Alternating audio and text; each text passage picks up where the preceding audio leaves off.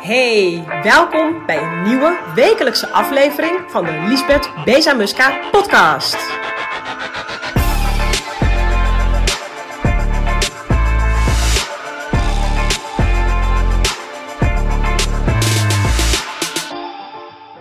Welkom bij deze nieuwe podcast. Ik hoop uh, dat het gegil van de meeuwen er niet over uitkomt. Het is uh, jongen tijd voor de meeuwen. Dus dan uh, beschermen ze met uh, uit volle macht hun, uh, hun jongen. ze trekken alweer een beetje weg. Zo, een nieuwe podcast, een nieuw onderwerp. Ja, um, voor ik het over het onderwerp van deze podcast ga hebben, wil ik eerst even het volgende zeggen. De datum van het eerstvolgende live event is namelijk bekend. Vrijdag 14 september kan je naar de Groeifactor Live Inspiratiedag komen. Dat is een dag waar we met een niet al te grote groep ondernemers in je business gaan duiken om te onderzoeken waar jouw groeifactor ligt. Lijkt dat je wat? Kijk dan even op lisbethbezamuska.nl voor wat meer informatie en uiteraard voor het reserveren van jouw plek. Aangezien we die dag echt dus maar met een beperkt aantal ondernemers gaan doen. Uh, waarom met een beperkt aantal? Omdat ik ten eerste wil dat op zo'n dag de groep wel zo groot moet zijn dat je iets van elkaar moet kunnen leren, maar ook weer niet te groot, zodat het overwhelming voelt om je verhaal te doen. Dus nou, kijk snel op lisbethbezamuska.nl en dan gaan we nu verder met de podcast. Want uh, ik had afgelopen week weer een teammeeting. Zoals je waarschijnlijk wel weet als je mij uh, vaker volgt of zo, uh, dan heb ik een team met wie ik samenwerk voor de klanten voor wie wij werken. En um, iedereen werkt op afstand. Dus ik heb geen kantoor. Tot nu toe althans. Ik uh, sluit niet uit dat hij er ooit wel gaat komen, maar nu niet. En ik vind dat eigenlijk heel fijn. Iedereen werkt op afstand. En één keer in de twee weken meeten we live met elkaar. Om ten eerste het, teamgevoel uh, te houden. Uh, maar omdat het ook heel fijn is om gewoon af en toe wel echt dat live contact te hebben. En afgelopen week was dat dus zover. En eigenlijk doordat we dan bij elkaar zitten, of dat we bij elkaar hadden gezeten, dan uh, ben ik daar later, zit ik dan nog weer even alleen. Of ik ga weer naar mijn volgende afspraak en dan uh, zit ik even alleen in de auto of, ja, of in de trein. En uh, toen ging ik daar eens over nadenken hoe grappig het eigenlijk is als je met een team werkt. En hoe je nou eigenlijk zo'n team uh, om je heen verzamelt. Want, um, ja, want hoe bouw je nou eigenlijk een team? Ik ben geen expert in het bouwen van teams. Um, wat ik wel wil doen in deze podcast is delen hoe ik dat tot nu toe heb gedaan en waarom het tot nu toe voor mij heel goed werkt. Ik zeg tot nu toe, want ik realiseerde me tijdens onze afgelopen teammeeting, toen we dus die datum voor, de nieuwe, voor het nieuwe live event eh, gingen plannen, um, dat ik vorig jaar september mijn eerste teammember voor het eerst ontmoette. Zij kwam mij helpen tijdens het live event. En um, inmiddels werken we met uh, z'n zessen. dus dat is wel heel grappig hoe dat kan gaan. En um, dus ik denk dat het wel uh, interessant is om, uh, nou, zeker als jij ook uh, ondernemer bent, misschien werk je alleen, of misschien werk je net al wel met iemand of nog niet, of, of lukt het niet om een lekker team samen te stellen. Dus ik dacht, ik ga jou, ik ga gewoon mijn inzichten hier delen, hoe het voor mij werkt om een team te bouwen. ten eerste, um, waarom ben ik een team gaan bouwen, überhaupt? Nou, het is heel simpel als je in je eentje werkt, dan heb je een zeer beperkt aantal uren. Dus kan je maar een zeer beperkt aantal uh, ja, dingen doen. Dat is ten eerste. Uh, dus uh, als ik, in mijn geval, ik werk voor klanten. Ik, ik, ik werk aan de zichtbaarheid en de resultaten van mijn klanten. Door middel van een grotere online zichtbaarheid vergroten we de resultaten van onze klanten. En ik ben natuurlijk in mijn eentje begonnen. Toen deed ik dus echt alles voor zo'n klant. Maar al heel snel uh, kwam ik erachter dat als ik dat zou blijven doen, dat ik altijd een uh, piepklein bedrijfje zou blijven. Punt. Dat is gewoon hoe het is. Ten tweede ehm, ben ik niet overal uh, goed in. Dus ehm, ik ben eigenlijk al heel snel experts gaan zoeken op gebieden waarvan ik zeker wist dat die nodig waren om de resultaten echt uit het dak te laten knallen voor mijn klanten. En dat wilde ik ze ook garanderen. Dus dat was een tweede punt. Dus ik ben daar al heel snel mensen op gaan zetten. En ten derde kan ik heel goed werk uit handen geven.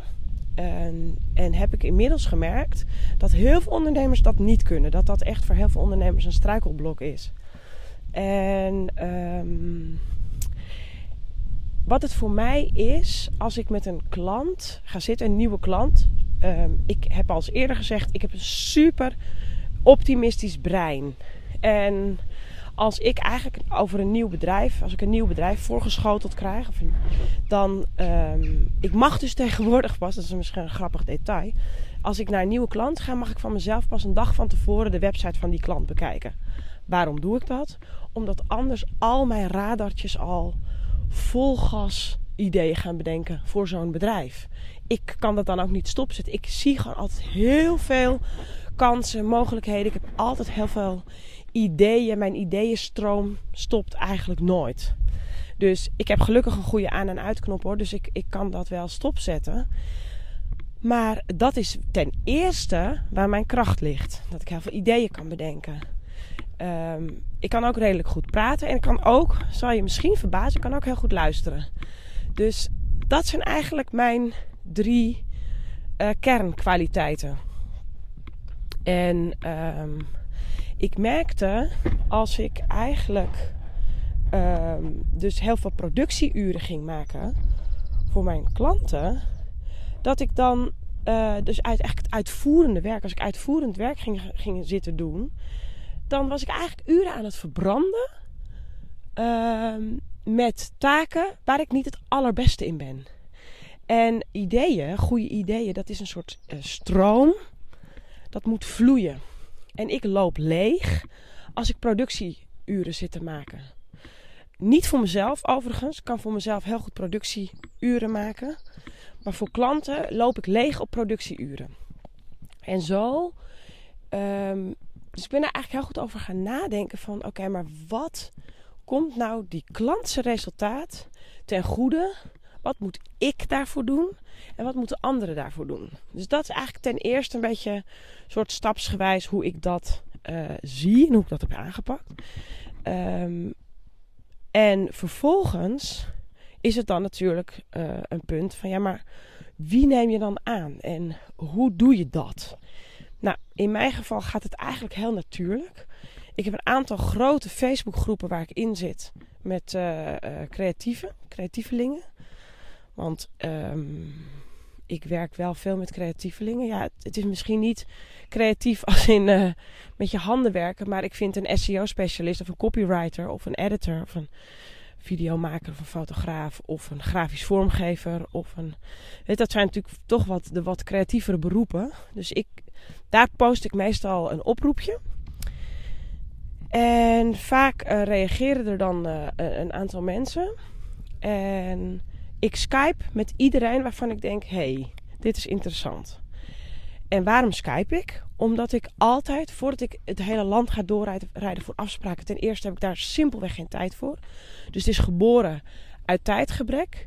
Maar ten tweede blijkt het heel effectief te zijn, omdat ik meteen in een Skype-gesprek zie of iemand een twinkeltje in zijn oog heeft, of haar oog, of uh, enthousiast wordt, hetzelfde denkt over uh, bepaalde ideeën die ik heb over het bereiken van een bepaald doel voor een klant.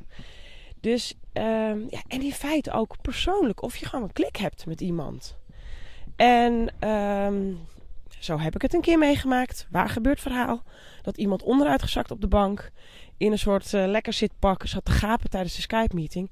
Ja, dan ben je bij mij echt wel meteen klaar.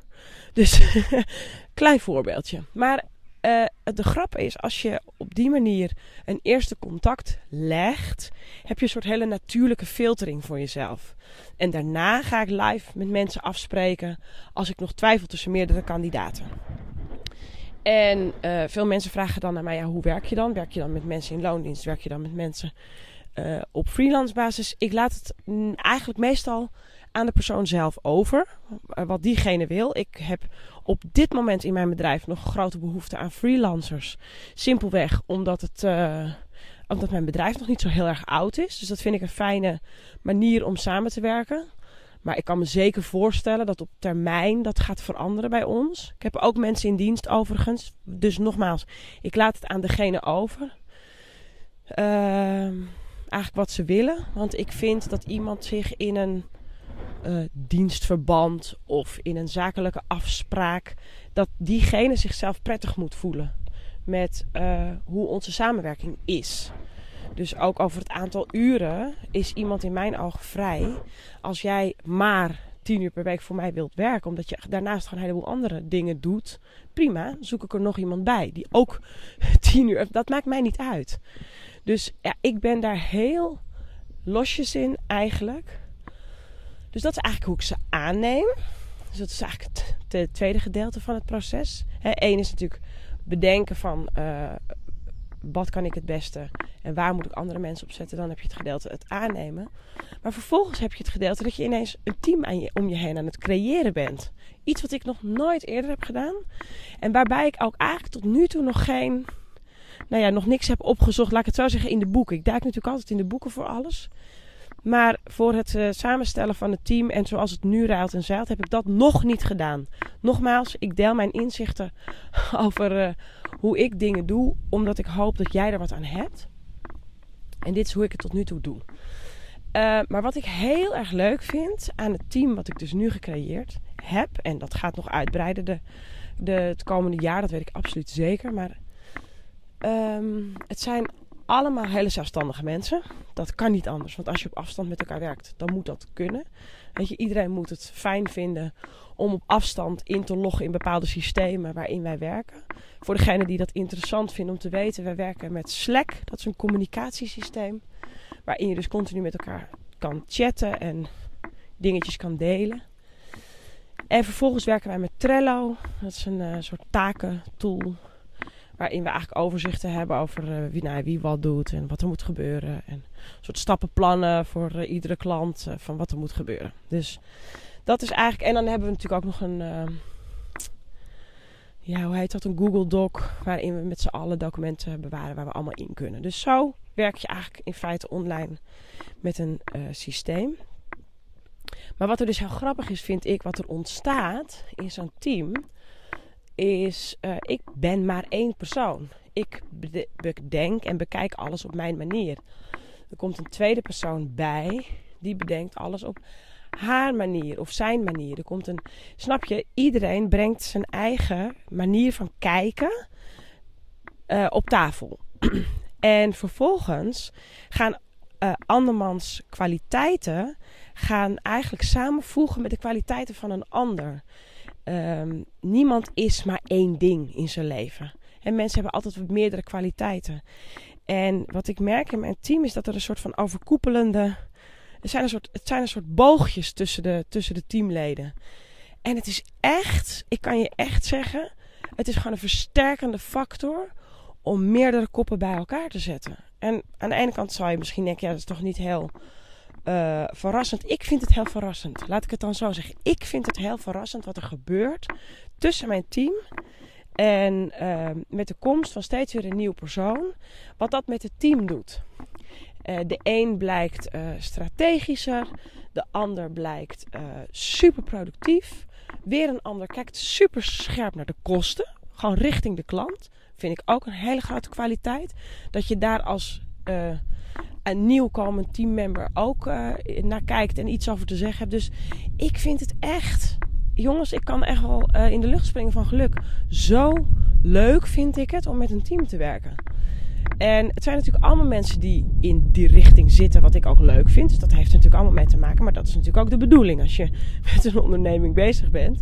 En dat je mensen aanneemt die nou ja, ook vol vuur zijn over wat jij doet. En Um, ik kon soms denken, aanname, voordat ik een team had, van ja, maar Stel je dat je een team hebt en dat je jezelf continu aan het vrijmaken bent. Vindt zo'n team dat dan niet gek? Het is heel grappig. Mijn team die jaagt eigenlijk alleen maar alles toe wat ik doe verder. ik produceer natuurlijk nogal een bommetje aan content. En uh, eigenlijk vinden zij dat alleen maar heel erg grappig, omdat zij ook zien dat daar mijn kwaliteit ligt. Dus ja, ik vind het echt een hele grappige manier van je bedrijf eigenlijk ontwikkelen. En ik wilde dat graag delen, omdat ik echt weet uit de vragen die ik krijg, uit de interactie die ik natuurlijk heb met ondernemers, dat een team creëren echt voor heel veel mensen een soort van hoofdpijn onderwerp is. En ik hoop dat door wat ik dan deel, dat je misschien denkt: oh ja. En natuurlijk heb ik. Kan de, ik hoor, ik, ik, zo grappig, altijd als ik inzichten deel, dan hoor ik altijd in mijn achterhoofd, ja maar, hoor ik altijd mensen tegen me dingen zeggen, ja maar, ik heb een uh, type bedrijf waarbij dat niet kan.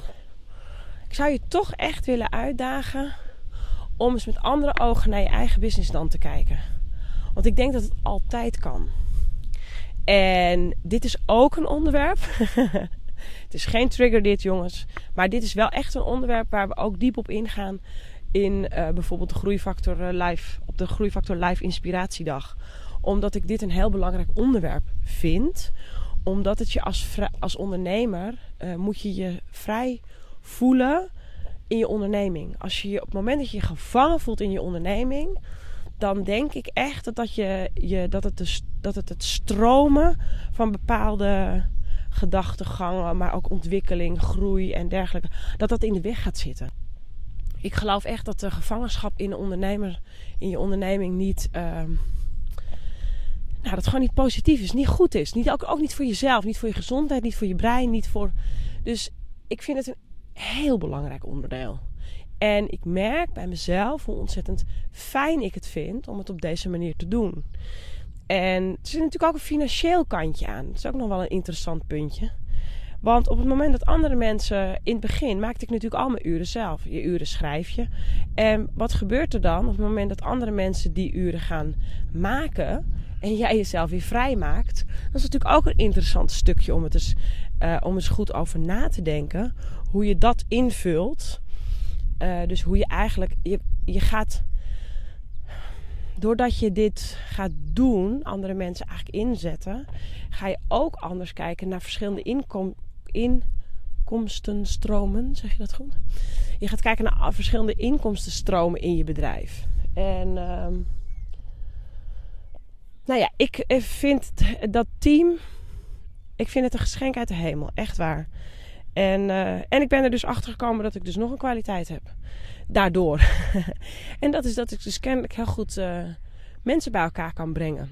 Want de teammembers zeggen het zelf ook. Van hey, het is echt wel een tof team. Je hebt wel een tof team om je heen gecreëerd. Dus, en het is puur gevoel. Ja, ik vind het heel grappig. Ik heb een nieuw teammember.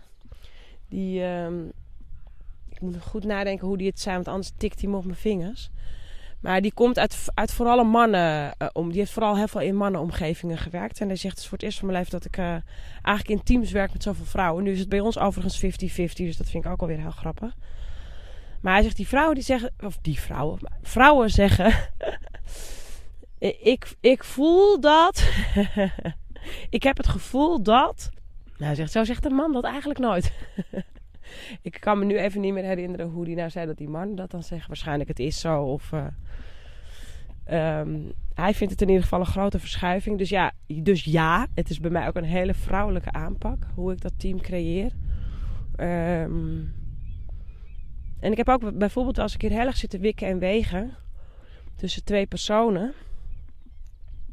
En mijn gevoel zei uh, dat ik voor de ene moest gaan. En mijn verantwoordelijkheidsgevoel vond eigenlijk dat ik voor de andere moet gaan. Maar ik ben op mijn gevoel gegaan. En het bleek ook weer een hele goede keuze. Dus ja, het is dat onderbuikgevoeletje die soms kan zeggen: nee. En vaak is dat nee wel een goed signaal hoor, jongens. Dat nee mag je niet al te vaak negeren in je business.